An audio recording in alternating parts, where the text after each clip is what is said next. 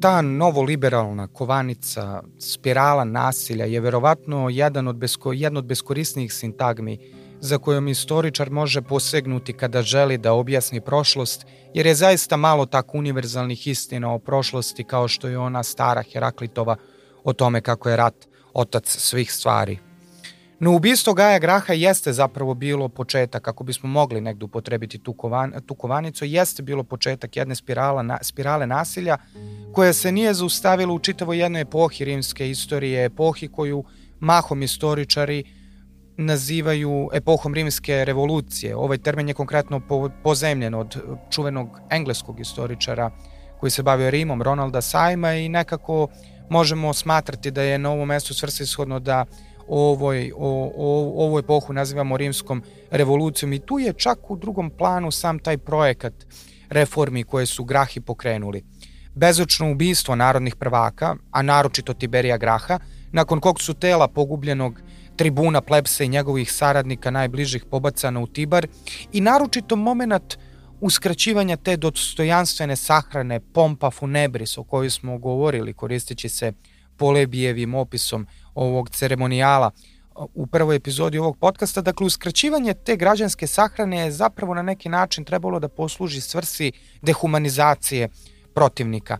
I to je bilo dosta neobičajeno, ali suštinski svedoče o jednoj nervozi Senata.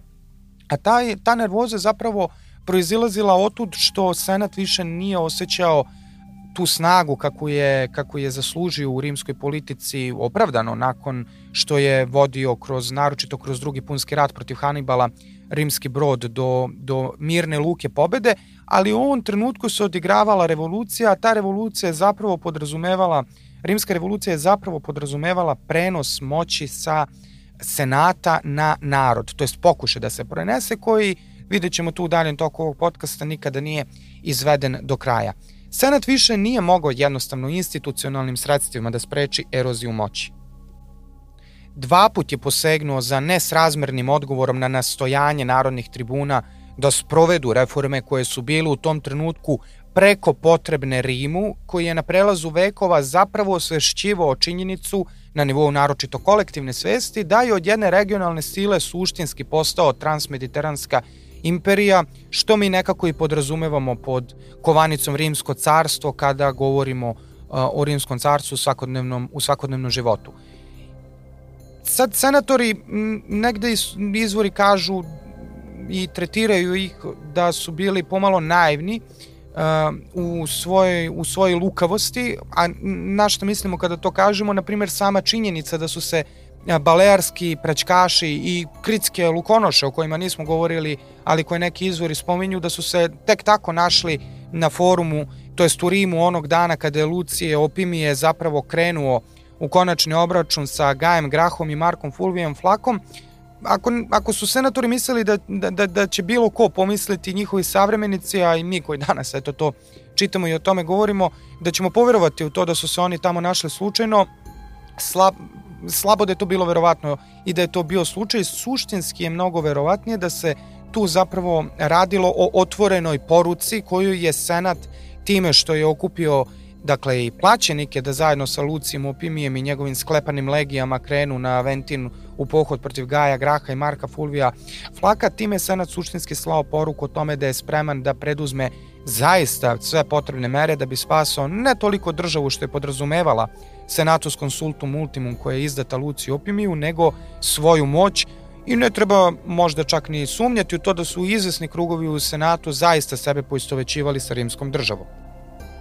O svemu tome nedvosmisleno svedoči da je Tiberije Grah ubijen na način na koji je ubijen, gde je Pontifex, Pontifex Maximus i rimski senator Scipion Nazika suštinski krenuo mimo bilo kakvog pravnog okvira protiv Tiberija Graha i pretukao njega i njegove pristalice zajedno sa svojim saradnicima na smrt, usput skidajući onako teatralno togu koju je nosio, to je odoru koju je nosio kao Pontifex Maximus, to je prvi čovek rimske religije.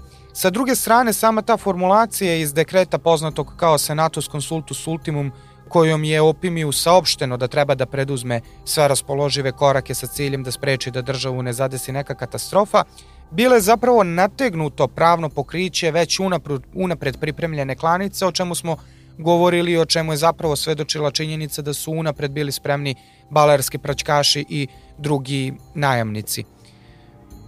O svemu tome svedoči suštinski i činjenica da je Lucio Opimije izveden pred sud nakon ubistva Gaja Graha, ali je naravno u toj šaradi od sudskog postupka i oslobođen.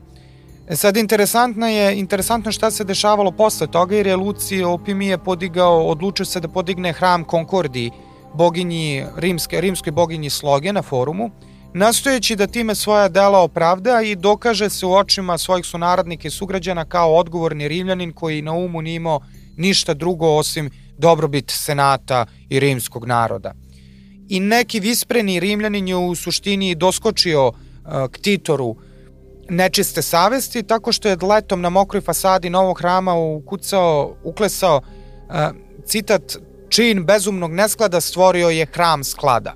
I to zaista jeste taj, taj korak na koji se odlučio Luci Opimije da tako e, nemilosrdno, kao što je nekad Fregelu pobunjen italski grad, da tako dakle nemilosrdno pogubi Gaja Graha, bivšeg narodnog tribuna e, i dokazanog rimskog patriotu što je pokazao svojim ponašanjem na Sardini kao kvestor i Marka Fulvio Flaka koji je triumfovao protiv Gala 125. godine pre Hrista u oblasti oko Akva, Sekstije i Masilije. Dakle, sama činjenica da je tako uvažene ličnosti pobio na nemilosrdan način svedoči o tome dokle se Senat bio spreman da ide.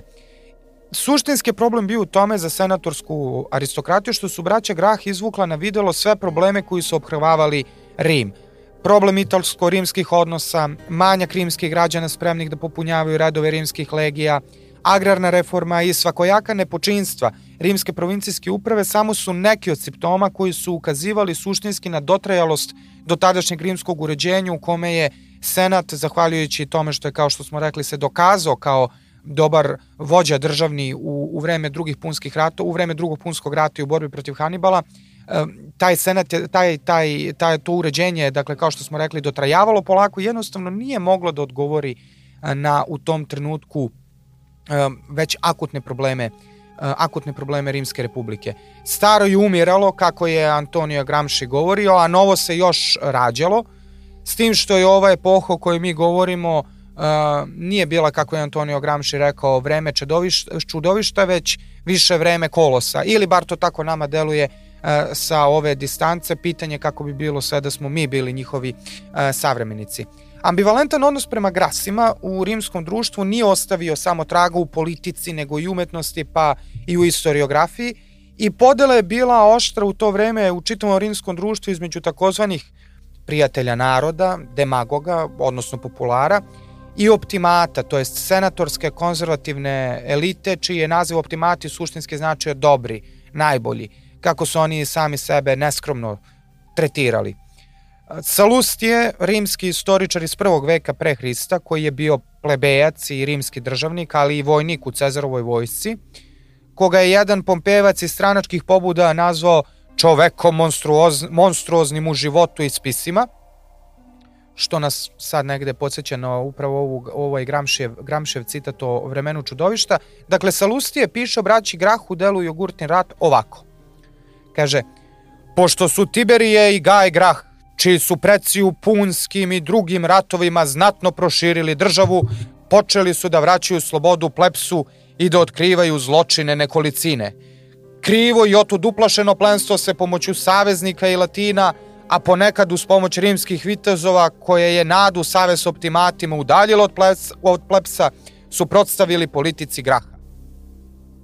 Sa druge strane, nasuprot Salustiju stajao je Ciceron – On je bio Cezarov i Salustijev savremenik i poznati i priznati protivnik, ako ne uvek Cezarov, ono izvesno populara. Evo kako je, na primjer, on pisao o braći Grah.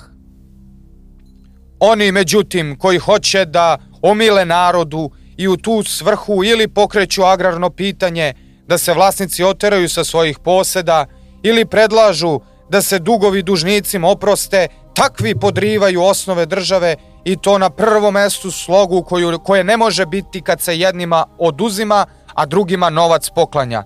I zatim pravičnost koja sasvim nestaje tamo gde svako ne može svoje sačuvati. Ta suštinski podela između populara i optimata koji smo svako videli smo upravo iz ovih citata imali svoje podržavao se ne samo u rimskom plepsu, nego i među državnicima, magistratima, pa i senatorima i na kraju krajevima i samim historiografima i umetnicima, kao što ćemo videti. Dakle, ta podela je konstituisala ono što mi anahrono, anahrono označavamo kao stranke.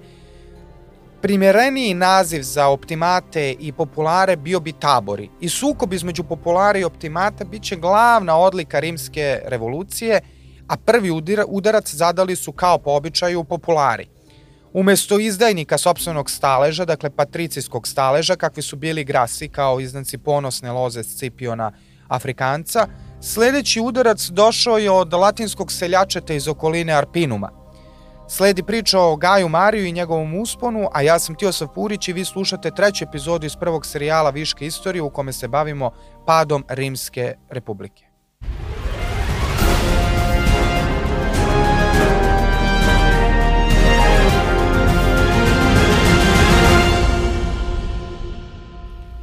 Malibu. Kad bismo želeli da opišemo Napulj u tim godinama krajem drugog i početkom prvog veka pre Hrista, poređenje sa Malibuom bi zaista stajalo. Kada je Gaj Marije već zašao u ozbiljnije godine, nije mogao da se izdvaja kao već priznati rimski vojskovođa i svoje elite, pa je i on ponesen trendom tadašnje rimske aristokratije, odlučio da kupi vilu kod, u blizini Napulja, na obali Napuljskoj, I ta vila je bila zgodno smeštena južno od Lukrinskog jezera, ali nije bilo to tek bilo koje, kao što smo rekli, mesto za vilu, jer je Napulj bio kao grad, možemo reći, helenska ispostava u okviru Rimske republike, u srži samog rimskog, rimskog sveta bilo je to mesto na čim ulicama su se mogli sresti filozofi, pa su Rimljani dolazili u Napolj da bi mogli sa slučajnim prolaznicima prozboriti koju reč o onim temama o koje, koje bi Katon Stari svakako, ka, svakako sudio kao uh, helensko opsenarstvo, dakle razgovarali se, razgovaralo se o sudbini ljudske duše posle smrti ili o nekim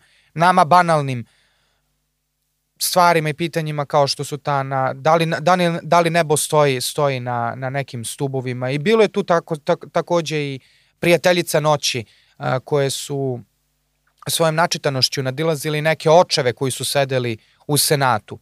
A nedaleko od Napulja koji je ostao netaknut kao helenska ispostava, dakle kao helenska kolonija u samom srcu a, rimskog sveta, uz obalu ka severu nalazila se luka Puteoli koja je odavno bila lišena bilo kakvih tragova grčkog nasleđa, iako su je takođe osnovali Grci, i u kojoj su na džinovske betonske dokove pristizali brodovi iz čitavog Mediterana, ispunjeni ne samo egipatskim žitom i robovima iz svakog kutka sredozemlja, nego začinima, skulpturama, slikama, egzotičnim divljim zverima i drugim dragocenostima, sve to da bi se zadovoljio pomodarski ukus i duboki džep rimske aristokratije i poslovne elite. Cela oblast u okolini Napulja postala je raj za plemstvo i rimsku poslovnu elitu i njihov bogatački zabran, a procvat ove oblasti obezbedili su naravno preduzimljivi rimljani kao što je bio, na primer, čuveni Sergije Orata.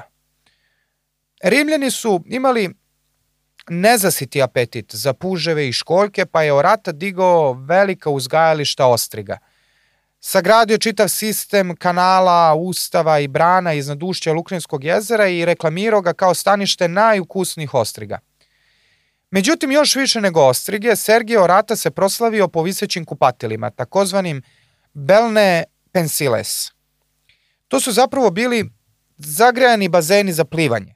Orata je ubrzo počeo da otkupljuje vile, gradi viseća kupatila i preprodaje ih po većoj ceni i uskoro su i Kapua, čije su ulice – mirisale na sladunjave parfeme Orijenta i Nola i Napolj i Baja, čuveno banjsko lečilište u oblaku sumpora, u nedaleko Napolja, pa tako reći i cela kampanija, taj vinogradima i zasadima jabuke, načičkani dragulj Italije, bili su puni vila koje se nisu prodavale kao takve, već su ih prodavala viseća kupatila kojima ih je Sergije Orata opremio.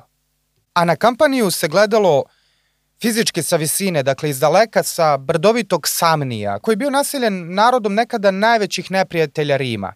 Naime, Samniti, koji su naseljavali Samni, su 321. godine pre Hrista u vreme rimskog osvajanja Italije naneli jedan od najsramotnijih poraza Rimljanima. To je čuvena bitka kod Kaudinskog klanca. Tada su ovi gorštaci sa Samnija odbili da pogube svoje protivnike Rimljane nakon što su ih porazili, nego su primorali ponosne sinove Rima da se skinu u tunike i prođu ispod jarma napravljenog od kopalja. E sad, sramotni mir je nametnut Rimu tada, ali su ovi, naravno, Rimljani, senat i rimski narod uskoro našli način da mirovni ugovor prekrše i osvete se samnitima koji su ih ponositi u sjajnim oklopima gledali kako poniženi prolaze ispod jarma. Sada su na prelazu iz drugog u prvi vek pre Hrista samniti bili tek gorski divljaci kojima su se podsmevali zbog naglaska koji su javno brijali svoje stidne dlake i nosili gvozdeno prstenje oko vrata. Njihov kraj, iako gorštački, nije bio naravno kultivisan kao kampanija, ali je bio već ispresecan putevima kojima su krestarili rimski trgovci i niko ko se kupa u ratinim bazenima u kampanije nije ni mogao da sanja da će se ponovo pojaviti ti gorski divljaci samniti na putevima pitome kampanije sa namerom da pljačkaju uh, svoje, svoje susede. No upravo je to bila realnost sa kojom se generacija Gaja Marija morala suočiti. U vreme kada je digao vilu nedaleko od Napulja, Marije je već bio proslavljeni vojskovođa i Rimljani, naravno kakvi su bili, nisu voleli nikako da vide svog ratnog heroja i spasioca Rima kako uh, otaljava svoje penzionerske dane u raskoši uh, i mekuštvu, Međutim, vila Gaja Marija više ličila na legionarski logor nego na oratinsku vilu dežmekaste aristokratije. Svi ostali, kako je govorio jedan stari Marijev oficir zadivljen katonijanskom strogošću vile svog nekadašnjeg generala, svi ostali, rekao, su slepi sa spram starog zapovednika rimskih legija. Zapravo, Marije je svoje životne navike izbrusio daleko van gradske gungule Rima, gde bi ga moglo dohvatiti pomodarstvo rimske aristokratije. Možemo reći da su ga prekasno zavela svetla velikoga grada. Odrastao je, kako Plutarh svedoči, u selu Ceretinu u Arpinskom kraju, u kome je tek malo pre nego što se Gaj Marije rodio dato rimsko građanstvo. Kasno je ugledao grad i okusio gradske zabave, objašnjava Plutarh. Otac Marijev, koji se zvao isto tako Gaj Marije, a majka i majka Fulcinija, dakle, odgajali su Marije u jednom uh, duhu koji je bio mnogo svojstveniji nekim starijim generacijama rimljanima nego, nego aristokrati drugog veka. U jednom govoru je navodno Marije objašnjavao svoje skromne početke slušalcima i govorio da je detinstvo proveo radeći najteže poslove ali je mnogo verovatnije da je njegov otac suštinski pripadao ekvestri, e, ekvestrijanskoj, dakle viteškoj klasi i da je Marija stekao kakvo takvo i obrazovanje i da ipak to nije bila takva oskudica kako je Marija u potonjim uh, u potonjim političkoj karijeri predstavljao možda više zbog efekta i dopadljivosti narodu, pošto je bio jedan od proslavljenih populara, nego kao, neki verodostojno, nego kao neko verodostojno svedočanstvo uh, o svom detinstvu. Uh, dakle, stekao je izvesno neko obrazovanje i to mogli bismo čak reći da je stekao dobro obrazovanje koje suditi po govorima koji su do dušu uglavnom zabeleženi posle njegove smrti, a koji jednostavno odišu, um, odišu stilom jednog obrazovanog čoveka. U Rimu nije postojao sistem obaveznog školstva, nego se od porodice očekivalo da obezbedi privatno obrazovanje svojim najmlađima, bilo u grupi ili kod robova pojedinačno koji bi dolazili u rimske kuće i učili mlade Rimljane. Robovi kojima su rimska deca poveravana bili su najčešće Grci, kojima su se Rimljani, kao što smo rekli, istovremeno podsmevali i divili su im se, ali najraniji stadijum svakako obrazovanja bio je poznat kao ludus i tu Grci nisu igrali toliko, grčki robovi nisu igrali toliko bitnu ulogu. To je dakle ludus je kretao se oko 7 godina, rimski mladići iz dobrostojaćih porodica bili bi poslati kod učitelja sa pisaljkom i voštanom tablicom da uče čitanje, pisanje, račun i tako dalje. I strogi učitelji nadzirali su Rimljane sa svim potrebnim ovlašćenjima od roditelja da ih kazne za izgrade kada smatruju da je potrebno, a u tim godinama je kako su smatrali Rimljani disciplina bila ključ. i školski, školski dan bi počinjao pre zore, a završavao se posle, posle sutona. Sa oko 12 godina učenike bi potom preuzimao gramatikus, koji je gotovo izasno bio grk i koji bi polaznike učio gramatici, književnosti i osnovama muzičkog vaspitanja – E a sa 15 ili 16 godina najbogatiji rimljani odlazili bi kod retora koji je obučavao pripadnike rimske elite da drže upečatljive govore i spremao ih za karijeru političara ili pravnika. I to su gotovo isključivo ti retori su bili Grci.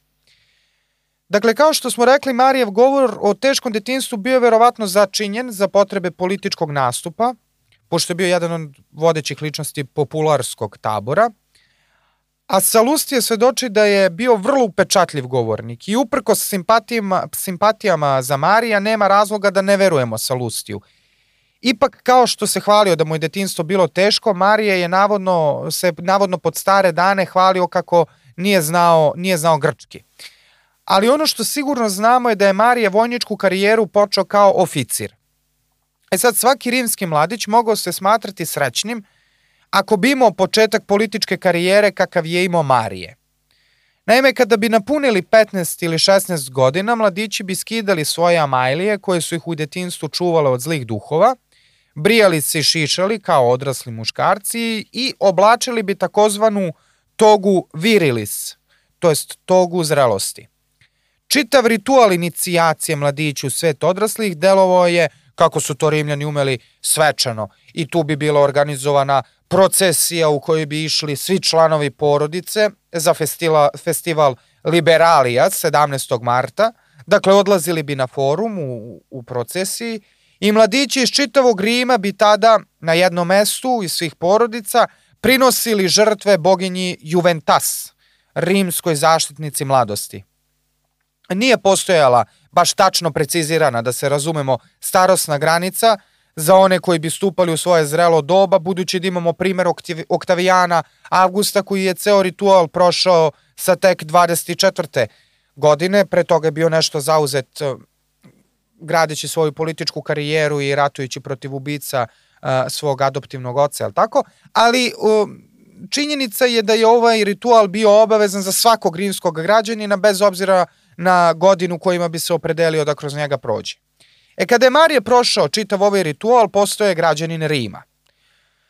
Dobar početak karijere u javnoj službi mu se smešio i čekao ga je, pošto imao dovoljno novca, očigledno, kada je zadovoljio cenzus, da služi u rimskoj vojsci kao oficir.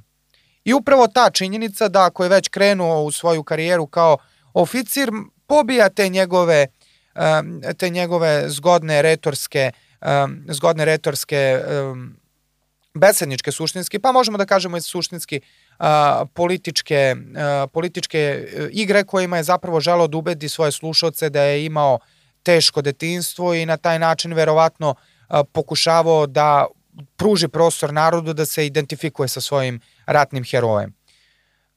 Sećamo se da je imovinski status i o tome smo negdje pričali odrađivo koji će Rimljanin u koju centuriju upasti i od toga u koju centuriju bi upao, to je određivalo koliko će glas Rimljanina vredeti u centurijatskim skupštinama, koje su birale magistrate, ali i to kakvo će biti mesto svakog rimskog građanina u rimskoj vojsci kada jednom krenu u pohod. E, Marije je dakle svoju, e, svoju političku karijeru otpočeo kao oficir i to ne bilo gde i bilo kako. E, otpočeo je u trećem rimsko-keltiberskom ratu i u borbi protiv Numancije, o, kom smo, o, koji, o čemu smo govorili u prethodnim epizodama podcasta.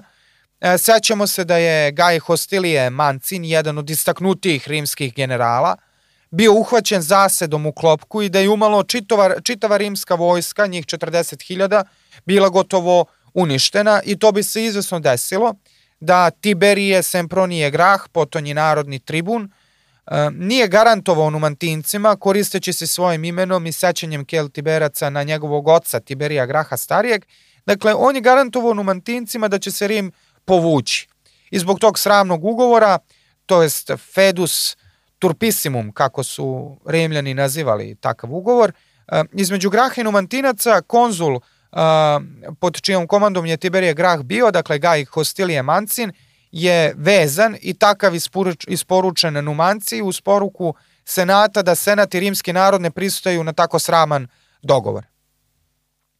Rimska vojska je, o tome smo pričali, navikla na ratovu u prostranstvima istočnog sredozemlja, gde su se vojske postrojavale u razvijene formacije i sukobljavale se tako da bi jedan ili dva sudara velikih vojski rešilo suštinski sudbinu čitavog rata. Nije navikla na gerilski rat istrpljivanja kakav se vodio u brdovitoj Španiji. Španija je interesantna provincija u Rimu, ona je bila plen, zapravo dve provincije, ako ćemo biti do kraja ovaj tačni. Španija je bila plen, dakle, iz drugog punskog rata protiv Kartagine, u kome je, sećamo se, Hannibal upao u Italiju i nanio im niz žestokih poraza. I dakle, posle završetka drugog punskog rata Rim je zagospodario Španijom i njen značaj je suštinski bio u njenim rudnim bogatstvima. A o tome koliko je uh, bila značajna za Rimljane možda najbolje govori činjenica da su Rimljani 197. godine pre Hrista, kako bi mogli da operacione, operacionalizuju svoju upravu Španijom, povećali broj izabranih pretora na šest, samo da bi imao ko da upravlja tim novim španskim uh, iberijskim prostranstvima. Međutim, Kartaginjani su za svoga vakta upravljali kao Britanci ili Amerikanci danas svojim carstvom, fokusirajući se više na taj koncept emporija umesto na imperium, dakle kao Rimljani. Dakle, više su se Kartaginjani um, fokusirali na trgovačke postaje, od čijeg grčkog naziva i dolazi savremena engleska reč za imperiju, dakle emporion, umesto na rimski imperium, to jest neposrednu, uh, neposredno vojno zaposedanje date oblasti. Iberija je imala zaista velike značaje dakle, za Rimljane, koji su nastojali da te priobalne posede koje su osvojili od Kartaginjana suštinski prošire na unutrašnjost. I čitav drugi vek pre Hrista obeležen je žestokim borbama Rimljana sa domicilnim stanovništvom, s tim što će Španija do kraja biti osvojena tek u, možemo slobodno reći, narednim decenijama, pa možda čak i u vekovima. Čitav drugi vek pre Hrista obeležen je dakle tim žestokim borbama sa domicilnim stanovništvom i poražavajuće poreze e, su Rimljani pretrpeli nekoliko puta od nadaleko čuvenog u španskim legendama, od čuvenog Virijata. Da su Španci, na primjer, osvojili svet umesto Engleza, danas bi svako dete znalo za Virijata, a ne za Budiku. E, ovaj Virijat je poveo čitave narode brdovitih krajeva severozapada Iberijskog poluostrava, iz današnje Portugalije mahom u pobunu 40. godina drugog veka pre Hrista protiv Rima. Nanao je žestok poraz 141. ili 140. godine, sad to baš nije tačno utvrđeno, datovano. Uh, Nanao je dakle žestok poraz Rimljanima kod izvesne Erisane, rimskom komandantu Fabijanu Emilijanu. I Virijata su se Rimljani na kraju rešili nužno na prevaru jer mu očigledno nisu mogli uh, doakati, kako bismo mi rekli, e, na bojnom polju. Dok je Virijat pregovarao sa rimskim upravnikom provincije bliže Španije, jedno od dve provincije koju su Rimljani osnovali u Iberiji, Quint Servilije Cepion, rimski komandant u Iberiji, je potplatio bliske Virijatove saradnike da ga ubiju na spavanju. Dakle, dok su ga jednom rukom pacifikovali, umirivali, sklapali sa njim dogovore i obećavali mu ko zna kakve ustupke samo da spusti oružje, drugom rukom su mu pripremili omču. I kada su ovi zaverenici, suštinski izdajnici, tražili novčanu nagradu od Cepiona, Quinta Servilija Cepiona, koja mu je obećana, rimski general ih je uputio na senat i tako ih je otkačio, tako da Virijat čak nije stradao ni za novac, to jest oni koji su gubili nisu dobili obećanu kompenzaciju. Do 134. godine pre Hrista, poraz koji su Rimljani pretrpeli pod komandom Mancina jednostavno je morao biti osvećen. To je za Rimljane bilo pitanje nacionalne časti. I Rimljani su se odlučili na korak koji bismo u gamerskom žargonu mogli nazvati overkillom. Uh, Scipion Emilijan, slavom ovenčani osvajač Kartagine iz 146. godine pre Hrista, izabran je za komandanta koji će dokusuriti Numanciju. Poznato iz izvora da su Atal III, kralj Pergama koji će zemlju po smrti zaveštati rimskom narodu i sirijski kralj Antioh VII Seluk poslali uh, iz, Seluki, iz dinastije Selukida posla, poslali takozvane pomoćne odrede Rimu. Bili su to takozvani kohor samiki, odredi prijatelja. Međutim, odred prijatelja poslao je i numitski kralj Micipsa. E sad, Numidija, koja je negde i okosnica priče bar o prvoj fazi političke karijere Gaja Marija, Numidija je bilo od vremena Scipiona Afrikanca, pobednika nad Hannibalom i dede Tiberije i Gaja Graha, rimska saveznička ili da budemo pošteni klijentelska država. Gaj Salustije, Kris autor iscrpnog dela o ratu između Rima i Numidskog kralja Jugurte, govori o prvom kralju Ujedinjene Numidije Masinisi. I evo šta kaže. Izvršio je mnoga i vrlo slavna vojnička dela, zbog kojih je, pošto su Kartaginjani pobeđeni, a prethodni numidski kralj Sifaks poražen, rimski narod poklonio kralju sve zemlje i gradove koje beše osvojio. Drugim rečima, ovde na delu imamo još jedan primer rimskog imperialnog ponašanja i nenadmašnog političkog umeća. Jer kada je Scipion Afrikanac slomio moć Kartagini u drugom punskom ratu, Rimljani su Kartagini, od koje su isto tako želeli napraviti vazalnu državu, ako ne klijentelsku, u smislu teg, tog nekog, kako bismo to nazvali, začina prijateljstva, Dakle, napravili su vazalnu državu od Kartagine, a njoj su kao teg oko vrata, kako bi rekli naši bivši političari, ovaj, okačili Numidiju. I Numidija je bila dugo izdeljena između zavađenih berberskih plemena i tako dalje, da bi po porazu Kartagine i u snažan oslonac u Rimu bila ujedinjena u kraljevstvo na čelu sa de facto rimskim klijentskim kraljem Masinisom. I ako bismo tražili analogije sličnim situacijama, mogli bismo reći uh, da je za to nam dala suštinski primer dobar i zgodan austrijska politika na Balkanu iz 19. iz početka 20. veka, jer je na neki način uloga koju je igrala Albanija, isto tako ujedinjena od mnogobrojnih plemena, trebalo da služi kao teg oko vrata Srbiji na isti način na koji je um, Numidija služila da bude Kartagini. No pedelj po pedelj Numidija je otimala preostale kartaginske posede sve dok nije prekardašila – i izazvala Kartaginu na odgovor, što je za Rimljane suštinski bio kazus beli i pitanje časti da se odbrane numitski saveznici, jel tako? Pa je na ime i toga i uh, zapodenut uh, treći punski rat, u kome je Kartagina 146. godine pre Hrista konačno uništena. Umeđu vremenu dinastički problemi su obhrvavali Numidiju, jer kao u državnim sistemima udonih knježevin iz ranog srednjeg veka sa još uvek snažnim plemenskim identitetima i bez načela primogeniture, dakle principa po kome najstariji sin nasleđuje presto, Numidiju su po Masinisinoj smrti nasledila dvojica njegovih sinova, Mastanabal i Micipsa, dok je treći Gulusa na sreću po sebe rano umro pa nije morao da se bori sa braćom za prevlast u okviru Numidije. Micipsa je zatim po smrti brata Mastanabala postao jedini kralj Numidije, ali je Mastanabal ostavio za sobom kopile, začeto sa konkubinom po imenu Jugurta. Međutim, Jugurt, Micipsa je odlučio da Jugurtu zadrži na dvoru, naravno u svojstvu privatne ličnosti, i dizao ga i vaspitavao kao i svoje sinove Adherbala i Hiempsala.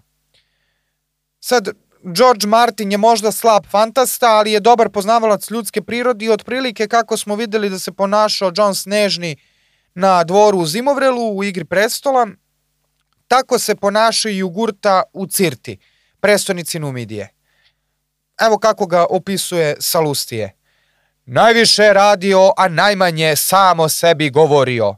Premde sve nadbašivo slavom, svima beše mio. Dakle, imamo jugurtu koji je kraljevske krvi, outsidera, omiljen u narodu i kao takav je prirodno predstavljao pretnju u očima num, numinskog kralja Micipse. Nis, nije međutim Numidija bila um, zemlja, jel tako, ranog evropskog srednjeg veka, uh, pa da se tek tako pogubljuje ovaj narodu omiljeni princ, nego je Micipse odlučio da se do duše na svoju štetu posluži lukavstvom. Kada je Emilijan digao vojsku svojih klijenata, i volontera za rat protiv Numancije, Micipse kao kraljevi Helenskog istoka Atal III. i Seleukinski kralj Antioh VII. poslao pomoćne odrede. Na čelo numitske konjice i pešadije Micipse je postavio jugurtu, nadajući se naravno da će ga pronaći Kel Tiberska strela i time od jugurte učiniti heroja koga će slaviti, ali ujedno lišiti Numidiju neprijatnosti budućeg sukoba među pretendentima na presto.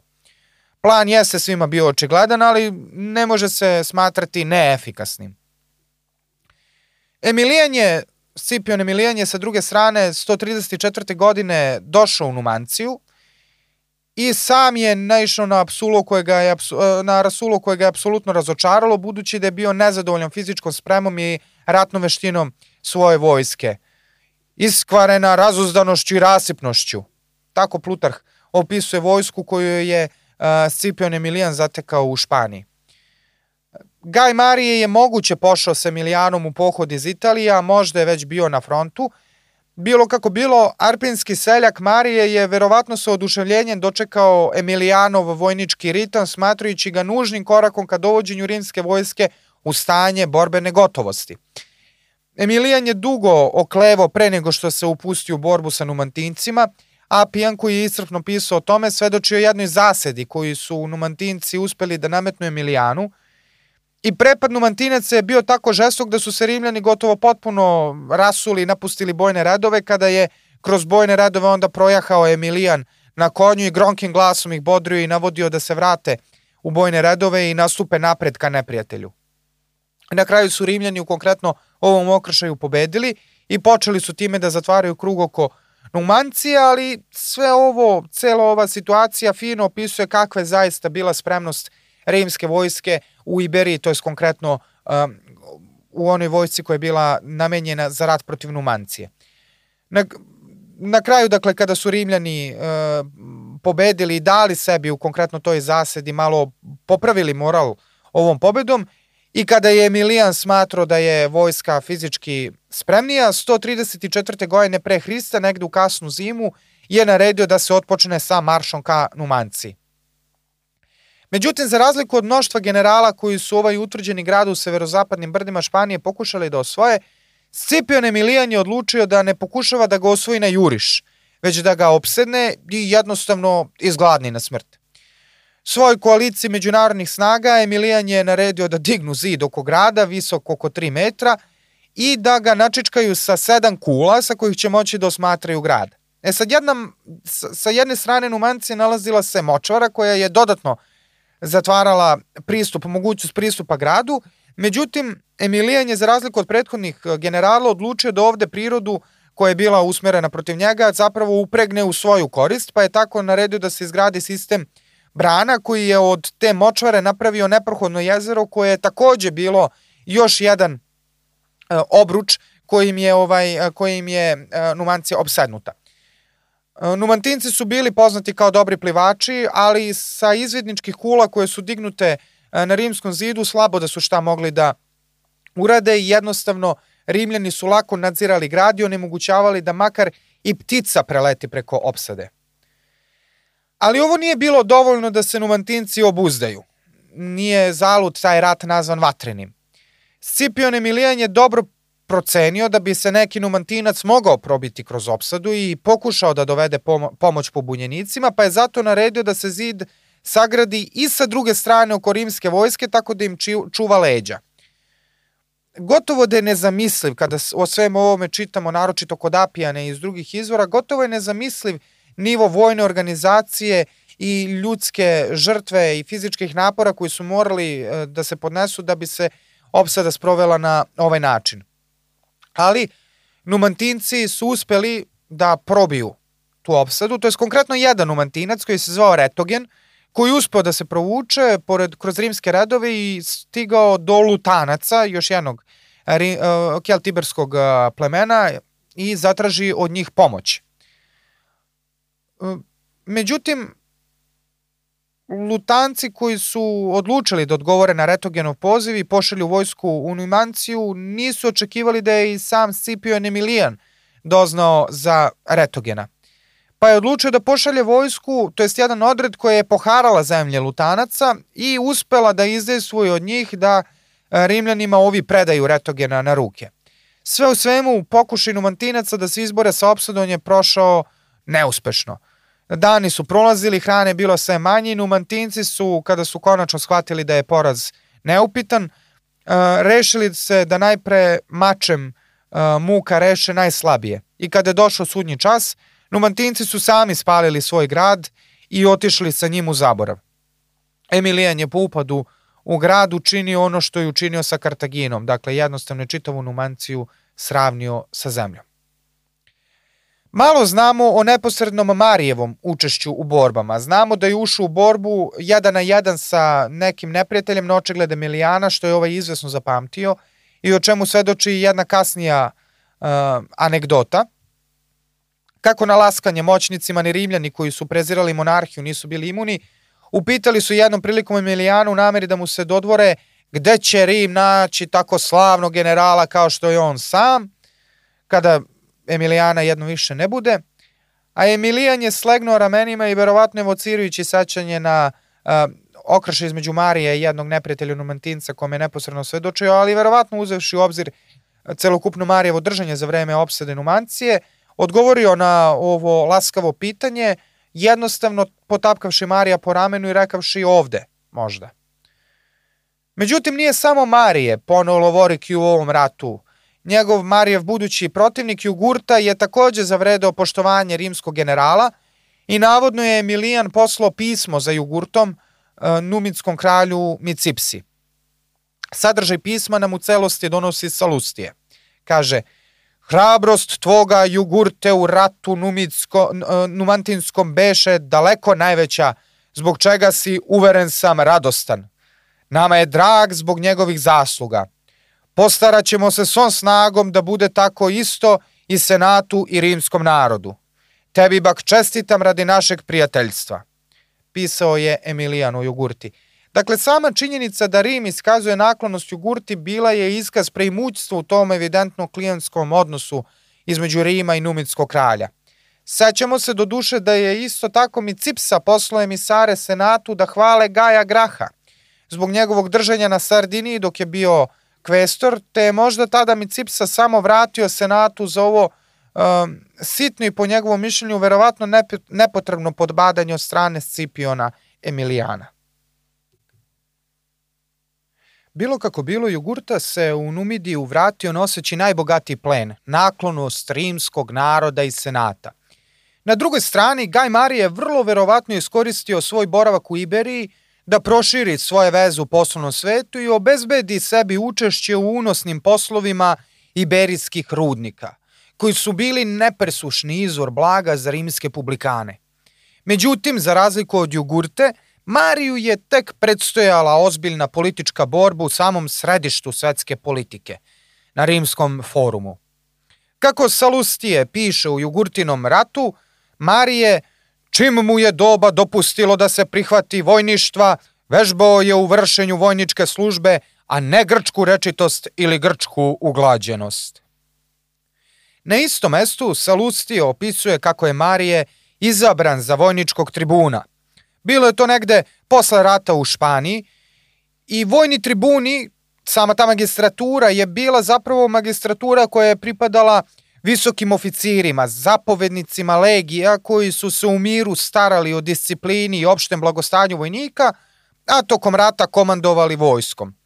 Morali su naravno imati prethodno petogodišnje, bar petogodišnje vojno iskustvo i sigurno je da je ova magistratura vojnog tribuna Marija nosila s kraja na kraj sredozemlja, uglavnom u deceniji u kojoj je Rim bio zauzet grahističkim reformama obuzet uličnim borbama između plepsa i populara, to je senata, dakle negde između 130 i 120. godine pre Hrista.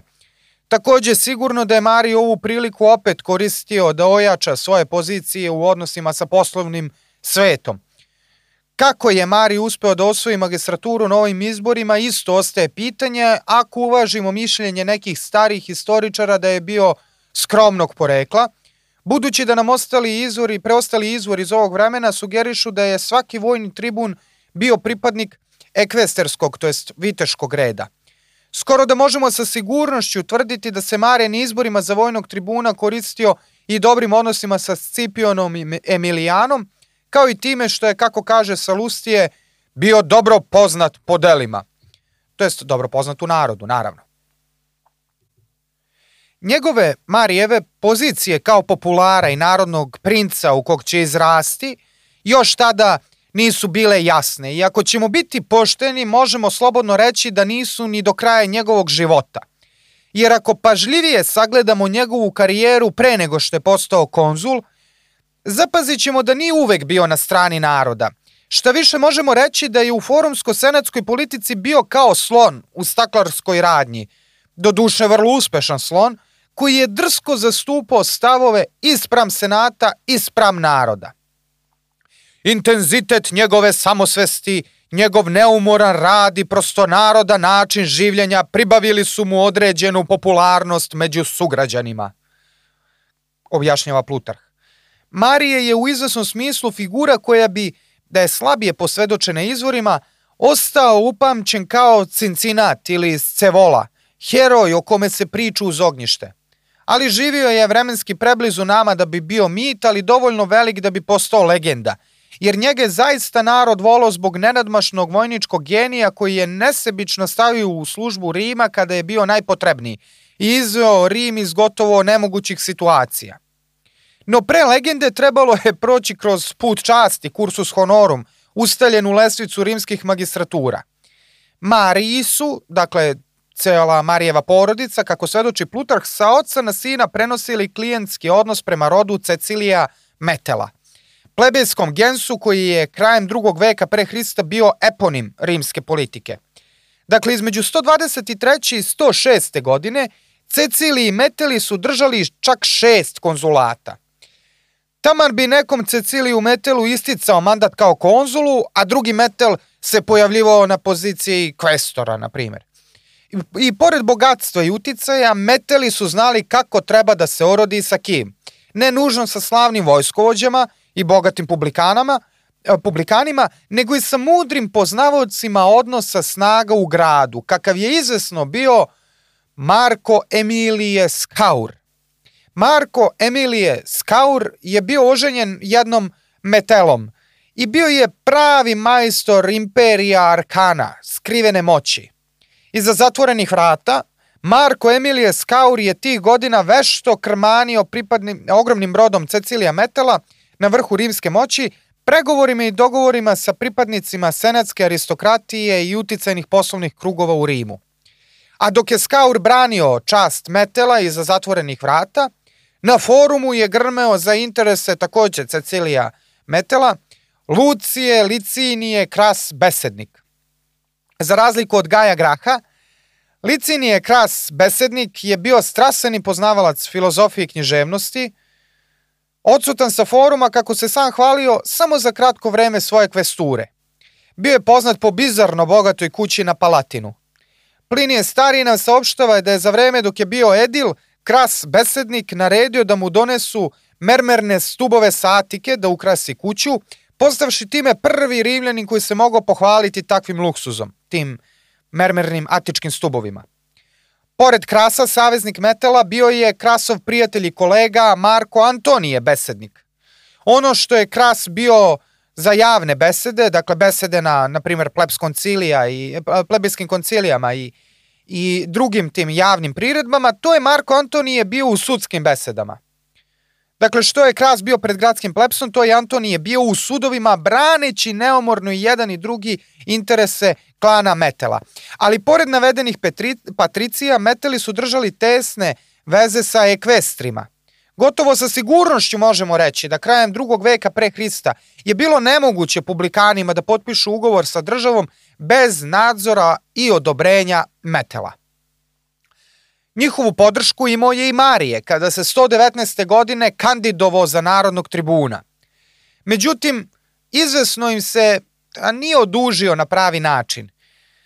Iako je donet zakon o tajnom glasanju, kako smo videli u prethodnim, uh, u prethodnim epizodama o braći Grah, postojali su mnogi načini da se zakon o tajnosti glasanja zaobiđe. Na primer, tako što bi se glasač proveravao neposredno pre nego što ubaci glas u kutiju.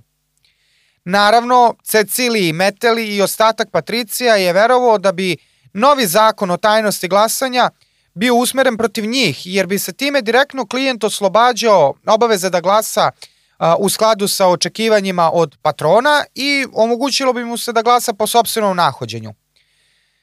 Gaj Marije koji je guro zakon koji je dalje štitio glasačko pravo naroda je izveden pred senat i kao narodnu tribunu od njega su zahtevali, kao narodnog tribuna od njega su zahtevali da ovaj zakon povuče, što je Marije naravno odbio. Kako je konzul Lucija Aurelije Kota bio uporan, Marije je zapretio da će ga uhapsiti. Kota se onda okrenuo svom kolegi i ko konzulu, Ceciliju Metelu Dalmatiku, da urazumi svog klijenta. Marije, koji je bio ponosan i osetljiv na svoju samostalnost, možda ne bi naredio da Metel bude uhapšen usred senata, da Kota nije pominjao klijentelski odnos. I dok su Metela hapsili, ovaj je uzalud vikao uh, ostalo je devetorici tribuna, Marijevih kolega, da urazume mladog ratnog heroja. Međutim, Gaj Marije je odbio i Metel je zaista bio uhapšen, a Senat se povukao i zakon o tajnom glasanju je donet, čime je zapravo Senat i uspao nekako da izbegne e, dalja poniženja pred očima rimskog naroda. Sada bismo mogli zaključiti, jel te da je Marije postao heroj naroda, što on jeste bio u tom trenutku, ali je iste 119. godine pre Hrista predložen zakon kojim su se širile povlastice za narod u pitanju, po pitanju subvencionisanog žita za gradski plebs, što je bila jedna od reformi Gaja Graha. Ovog puta Gaj Marije je bio protiv tog zakona, za koji je bila većina gradskog plepsa. Većina istoričara tvrdi da je zapravo hteo, da je Gaj Marije hteo da se umili optimatima. Zaista, koliko je verovatno da je Marije verovo da nakon javnih pretnji hapšenja svog patrona u sred senatske zgrade može da se na milo koji način umili optimatima ostaje otvoreno pitanje. Ali možda, i mogli bismo da dozvolimo sebi, da pomislimo da je Marije zaista verovo da može biti nezavisan. I to nezavisan i od naroda. Sve u svemu, kad se završio njegov tribunat, može u mirne duće, duše reći da je Marije bio podjednako voljen i podjednako u nemilosti i senata i naroda. Ali naravno, Gaj Marije nije ni najmanje imao nameru da se povuče iz javnog života. Naprotiv, odlučuje da se kandiduje za edila, i to za ni manje ni više nego za kurulskog edila. Ovo svedo, svedoči najpre o veličini Marijevog imanja, jer se izvesno neko sa malim primanjima ne bi usudio da pokuša da se kandiduje sa kurulskog edila. Jer kao što smo rekli, kurulski edili su između ostalih imali zaduženje da svaku proslavu svake rimske svetkovine finansiraju iz svog džepa. Pored toga oni su se starali o infrastrukturnoj i sanitarnoj funkcionalnosti grada, služili su kao tržišna inspekcija i tako dalje. Nijedan edil koji bi se pokazao škrtim ne bi mogao da računa na podršku glasača prilikom izbora za sledeću magistraturu, odnosno pretorsku. I ovo je bio verovatno zgodan trenutak za Cecilije Metele da se osvete i verovatno se jesu osvetili, budući da je Marije neslavno izvisio na izborima za kurulskog edila. Istog dana Marije je podnao kandidaturu na mesto plebejskog edila – E sad, uz neznatne razlike u ovlašćenjima, dvojicu kurulskih edila birale su tributske skupštine, a plebejske edile birale su plebejske koncilije, o kojima smo govorili kao e, zapravo tributskim skupštinama sa manjim ovlašćenjima, koje su imale čisto eto više a, protokolarnu i funkciju političku u smislu tom da su pred plebejske koncilije magistrati izlazili pre nego što bi zakon podneli na glasanju u tributskim skupštinama, da ispred naroda da opipaju puls narodi, da vide da li će taj zakonski predlog koji planiraju da stave na glasanju uopšte proći. E pa jedno od redkih ovlašćenja plebejske koncilije je bilo dakle biranje plebejskih edila, ali osim toga razlike između kurulskih edila koji su naravno bili izvesno uticajniji i sama ta magistratura je nosila prestiž. Mala, mala je razlika bila u ovlašćenjima između njih, dakle i plebejski, plebejskih edila. Međutim, i na izborima za plebejskim edilima, za plebejske edile Marije je izgubio.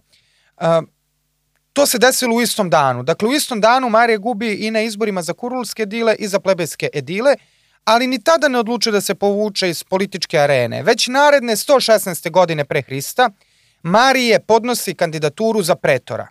I da čudo bude veće, pobeđuje, doduše sa jedva potrebnim brojem, brojem glasova. Ali Marija je, kao što smo rekli, zaradio, to jest obezbedio sebi veliki broj neprijatelja za dalju političku karijeru, kao u ostalom možemo reći sve velike istorijske ličnosti, te je izvesno naišao na sabotiranje od strane, možemo pretpostaviti, Cecilija, Cecilija Metela.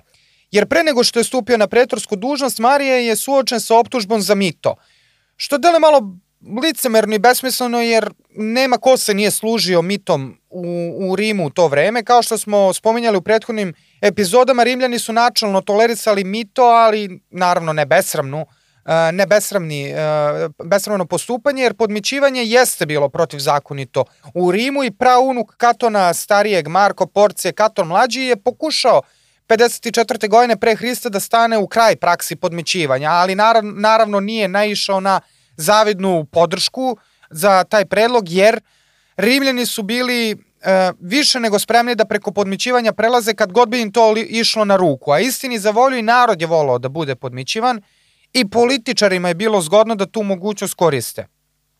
Ispostavilo se da se kod glasačkih kutija u danu kada je Marije uh, izabran, da, su, da, su, da se našao rob Kasija Sabaka, koji je bio blizak Marijev prijatelj. I tužilac je tvrdio da je Marije preko roba svog prijatelja podmićivao glasače, koji se dakle smucao tog dana pored glasačkih kutija, dok je Kasija Sabako, koji je pozvan da svedoči na sudu, tvrdio, dovitljivo tvrdio kao najčuveniji sudski originali našeg vremena, da nije baš pomenuo koro od banane, nego je navodio kako je rob došao da svom gospodaru donese vode. Cenzori koji su birani na svakih pet godina da odrede koji su građani dostojni toga da budu nazivani senatorima i očevima, to je da budu članovi senata, izbacili su Sabaka iz senata u svom idućem mandatu zbog ove i ovakve odbrane na sudu. Eto, zbog toga je stradao Gaj, Gaj Marije, ali njegova, uh, njegova optužnica čak i sa takvim Sabakovim uh, svedočenjem nije mogla suštinski da dokaže da je Marije kriv – pa su onda pozvali, tužilac je pozvao izvesnog Gaja Herenija. Sad Gaj Herenije je bio u izvesnom smislu patron uh, Gaja Marija, sigurno ne njegove porodice kao što je to bio slučaj sa Cecilijima Metelima. Ono što nismo spomenuli kada smo govorili o klijentskim odnosima između klijenata i patronu u Rimu je da je ovaj odnos prestajao kada bi klijent stupio na, magaz, na magistratsku dužnost. Iz prostog razloga što jednostavno magistratu nisu mogli da budu preči interese tamo nekog patrona od respublike, od javne stvari, to je od senata i rimskog naroda kome je ma, svaki magistrat bio obavezan uh, da služi. Tako bi se našao, ako bismo mogli savremenim rečima da kažemo, savremenim rečnikom, u izvesnom obliku sukoba interesa. Uh, tako da uh, je Herenije odbio da svedoči i time bio u pravu jer je Marije bio tek izabrana dužnost, ali na dužnost pretora još uvek nije stupio. Tako da Herenije nije mogao da svedoči, ali je Marije insistirao da Gaj Herenije svedoči i možemo razumno verovati, kao što smo već govorili malo pre, da je Mariju opet više bilo stalo do toga da ga narod i senat ne shvate kroz klijentski odnos kao produženu ruku nekih moćnih i većih ljudi od njega samog, nego baš kao jednog um, samostvorenog, ono, self-made man. Na kraju je Marije naravno oslobođen optužbe za mito i stupio na pretorsku dužnost za 115. godinu pre Hrista.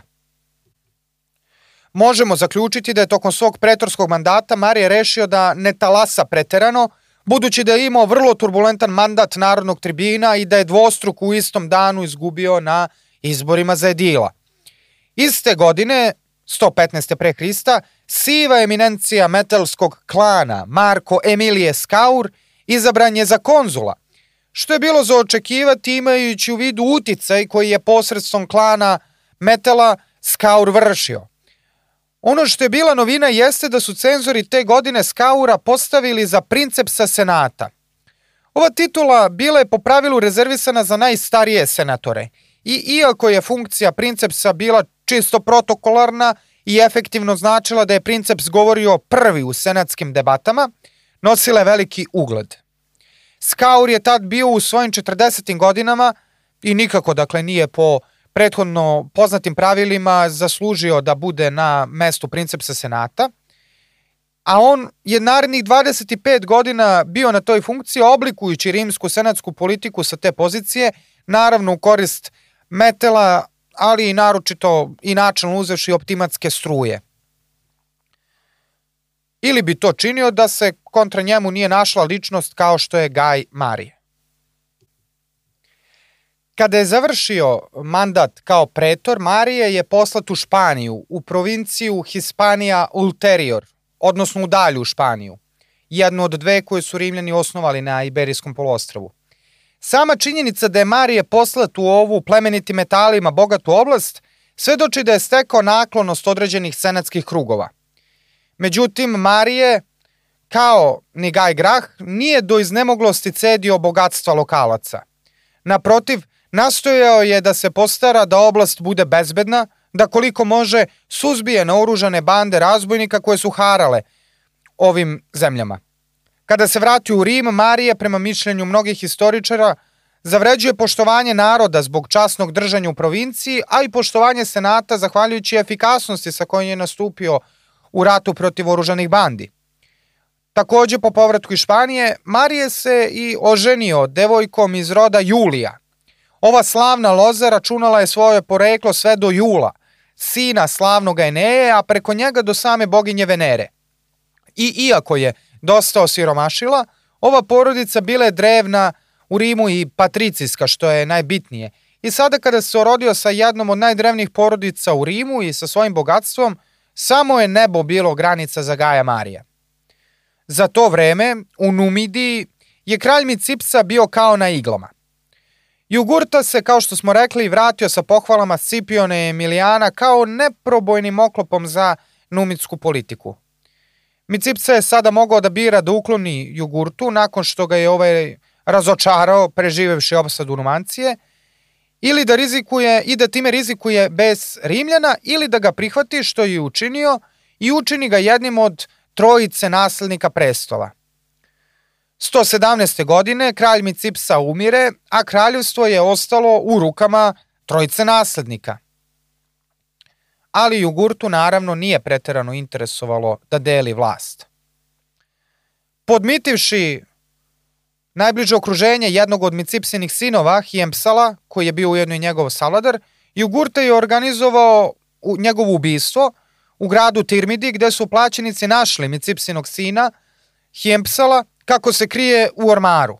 Glava mu je odsečena i prva krv jugurtinog rata je pala. Naravno, uplašen, Hempsalov brat i jedan od sinova starog kralja Micipse, Adherbal, je nastojao da digne vojsko, ali kako kaže Salustije, Numiđani se podele na dve stranke. Većina naroda stade uz Adherbala, ali uz ovog drugog bolji ratnici. Jednostavno, Jugurti su se tada isplatile godine i godine službovanju u vojsci i ratnici su ga voleli kao svog. Adherbal se uplašio i morao je da traži pomoć na jedinoj strani koja mu je preostala i koji odakle se mogao nadati bilo kakvoj pomoći. Naravno, od Rima, to je Senata i rimskog naroda. Senat je odlučio da sasluša obe strane, i Adherbala, koji je lično došao u Rim da traži pomoć, žaleći se na svoju sudbinu izgnanika i molioca ispred Senata, ali takođe i Jugurtine, izaslanike koji su takođe poslati od strane Jugurte u e, Rim da izlože Jugurtinu stranu priče ispred Senata. Umeđu vremenu Jugurta je ovladao čitavom zemljom i odlučio se da uradi jedinu logičnu stvar u tom trenutku. Poslao je mnoge izaslanike u Rim sa zlatom i srebrom – I kako kaže Salustije, i naredim da obaspu najpre stare prijatelje darovima, pa onda da traže nove i najposle da se ne usručavaju da izvrše bogatim darovima šta god mogu da uzmognu.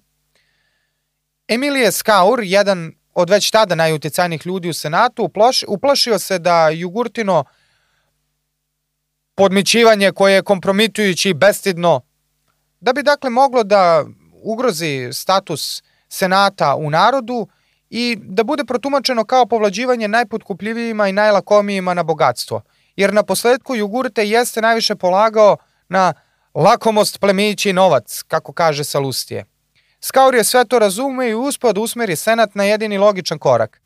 Naime, Senat je odlučio da pošalje desetočlanu komisiju, koju bi Srbi verovatno poučeni svojim, isku, svojim iskustvom nazvali kontakt grupom, na teren da ispituju situaciju. Ceo poduhvat je suštinski izgledao kao da Rin kupuje vreme pre nego što se zauzme za stranu koja će mu doneti najveću korist. Na čelu desetočlane komisije bio je niko drugi do beskompromisni protivnik Graha i razori, razoritelj Fregele, Lucije Opimije. Jugurta je Opimije računao u svoje neprijatelje. Možda je Jugurta znao Graha iz opsade Numancije i pamtio ga kao veštog ratnika, a vest o razaranju Fregele svakako nije u nerimskom uhu delovala kao hvale vredno delo. Tako da ne moramo sumnjati u to da sve i da je numitski prijatelj bio, Jugurta nije imao mnogo razloga da lično voli Opimija. Ali kako god bilo, Jugurta je primio senatsku komisiju sa svim počastima, obasipao ih bogatstvom i obećanjima, pa je, kako kaže Salustije, Opimije zbog slavi i bogatstva Jugurtine interese pretpostavio svojim ličnim uverenjima. Učinak rimske numitske komisije bio je jalov, pošto su lučili da resetuju stanje na pređašnji dogovor o zajedničkoj vladavini zemljom. Plodna unutrašnjost pripala je Jugurti, a priobalje Adherbalu. Ne treba biti ni grub prema Senatu, u svemu ovome svoditi čitavu priču na njihovu pohlepu i lakomost za blagom, jer na posledku mnogi senatori su služili u Numantinskom ratu zajedno sa Jugurtom, koji se tamo pokazao ne samo vispretnim ratnikom, nego i kao obrazovani i odmereni mladić, lojalan, edukovan, poslušan. Međutim, Salustija nam kaže da je Jugurta naučio dosta o Rimljanima prilikom opsade Numancije. Sazno je da je u Rimu sve podmitljivo, kako kaže Salustije. Odluka desetočlane komisije Lucija Opimija ostala je na snazi u Numidiji svega tri godine, imajući u vidu koliko se Senat politički investirao u čitavu ovu komisiju i čitav projekat, dobro je da je toliko potrejala. No već godine 113. pre Hrista Jugurta je sa čitavom vojskom udario na Adherbalovu zemlju. Nadao se da će se Adherbal pokušati osvetiti. Ali Adherbal je bio čovek koji se više strašio nego što je strah ulivao, kako opisuje Salustije. Jugurta mu je poharao naselja, pokrao stoku, spalio zemlju i vratio se nakon te brze akcije sa vojskom u svoju zemlju.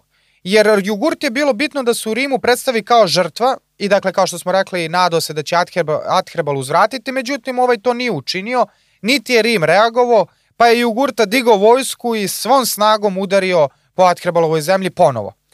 Adherbal je uvrati, uzvratio, ali ovog puta slabo i brže bolje skupio vojsku, ali je Jugurta prosekao kroz njega kao sir i Adherbal je morao konačno da beži u prestonicu Cirtu.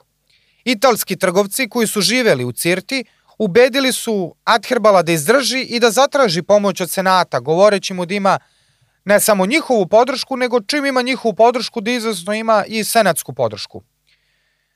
Senat je sa svoje strane odlučio ponovo da pošalje ovog puta tek tročlanu komisiju da ispita stanje na terenu. Jugurte ih je naravno dočekao ponovo sa, uh, sa, sa, sa, bogato spremljeni, sa mitom, bogato spremljenim mitom, sa uh, obećanjima i predstavio situaciju takvom da su Jugurtini post, postupci delovali kao samoodbrana. Međutim, kada su senatori želeli da uđu u Cirtu i čuju Adherbalovu stranu priče, Jugurta je odbio da im to dopusti. Tako da su se senatori sa Jugurtinom stranom priče vratili u Rim.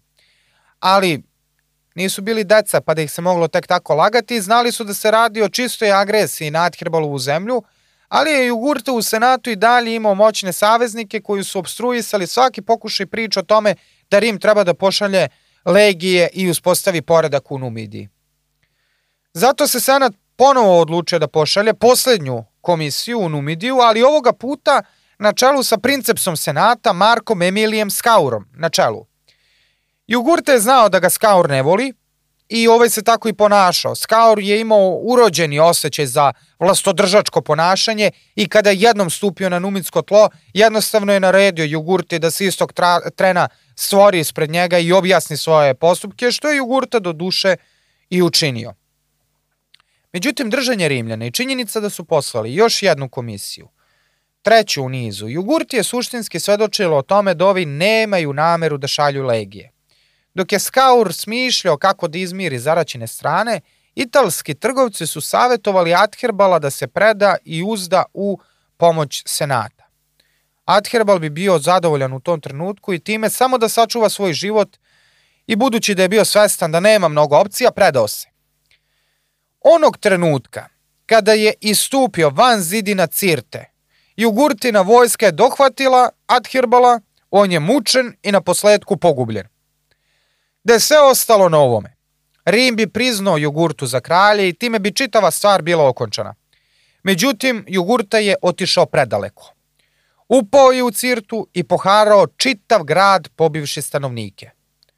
Naravno, Rimljanima nije bilo žao civila, već nije mogao trpeti ubistvo italskih trgovaca koji su živeli u gradu.